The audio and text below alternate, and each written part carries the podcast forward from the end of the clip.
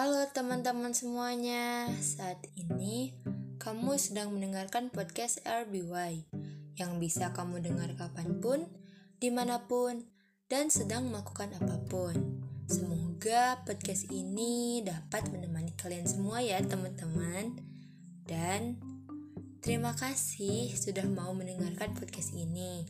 Ya karena banyak hal tentang ilmu yang bermanfaat untuk aku ceritakan dan kusampaikan lewat podcast ini, teman-teman.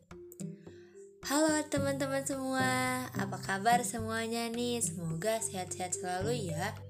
Di sini aku ingin sedikit sharing-sharing saja mengenai sebuah topik ringan nih teman-teman yang berjudul manajemen sumber daya manusia. Nah, sebelumnya kalau kalian interest dengan hal-hal yang berbau bisnis, pasti podcast ini tuh cocok untuk teman-teman semuanya nih. Uh, langsung aja gitu ya teman-teman. Manajemen sumber daya manusia itu apa sih teman-teman? Artinya ataupun apa sih? Yaitu manajemen sebuah perusahaan yang berfokus pada kegiatan rekrutmen, sumber daya manusia, pengelolaan, dan pengarahan untuk mencapai tujuan perusahaan nih teman-teman. Salah satu upaya manajemen sumber daya manusia ialah dengan menghadirkan divisi Human Resource atau yang sering kita sebut ya HRD HRD gitu nih teman-teman. HR ini atau HRD ini memberikan berbagai macam pengetahuan seputar perusahaan, manajemen talenta, layanan administrasi, pelatihan pembinaan, dan masih banyak lainnya nih teman-teman. Divisi ini juga bertanggung jawab untuk memastikan karyawan bekerja maksimal di perusahaan dengan memberikan pemberdayaan karyawannya. Seperti itu nih teman-teman. Selain itu, adapun fungsi dari manajemen sumber daya manusia nih teman-teman. Yang pertama itu ada staffing atau employment. Jadi di sini itu staffing ini ada melakukan tiga langkah atau tiga tahapan nih teman-teman. Yang pertama ada perencanaan, yang kedua ada penarikan, dan yang ketiga itu ada seleksi. Pastinya ya harus ada seleksi.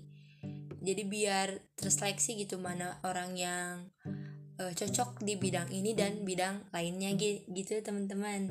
Yang kedua itu ada performance evaluation, yaitu pastinya harus memiliki tanggung jawab terhadap serangkaian pembinaan, pengawasan terhadap tenaga kerja. Selain itu, fungsi lainnya itu yang ketiga ada compensation, yaitu mengatur mengenai gaji karyawan dalam perusahaannya nih teman-teman. Selanjutnya itu ada training and development, yaitu mengadakan pusat-pusat pelatihan untuk seluruh elemen sumber daya manusia dalam perusahaan yang bertujuan untuk membuat karyawan bekerja dengan sangat-sangat maksimal gitu nih teman-teman. Selanjutnya ada employee relation yaitu fungsinya itu berupaya membangun relasi dengan pihak lain yang terkait dengan tenaga kerja seperti serikat pekerja yang bertujuan untuk menciptakan iklim kerja yang kondusif bagi karyawannya nih teman-teman jadi biar kondusif aja nih teman-teman iklim di sekitar lingkungan kerjanya seperti itu Selain itu ada personal research dan yang terakhir itu ada safety and health. Pastinya ya harus memberikan jaminan keselamatan kerja dan kesehatan bagi elemen sumber daya manusia dalam organisasi. Selain itu yang terakhir materinya itu ialah mengenai tujuan manajemen sumber daya manusia. Tujuannya tujuan sendiri tujuan dari manajemen sumber daya manusia itu apa sih? yaitu ada melakukan peningkatan serta perbaikan terhadap kualitas sumber daya manusianya, ada mengembangkan sistem kerja yang efektif, ada mewujudkan lingkungan kerja yang harmonis dan produktif.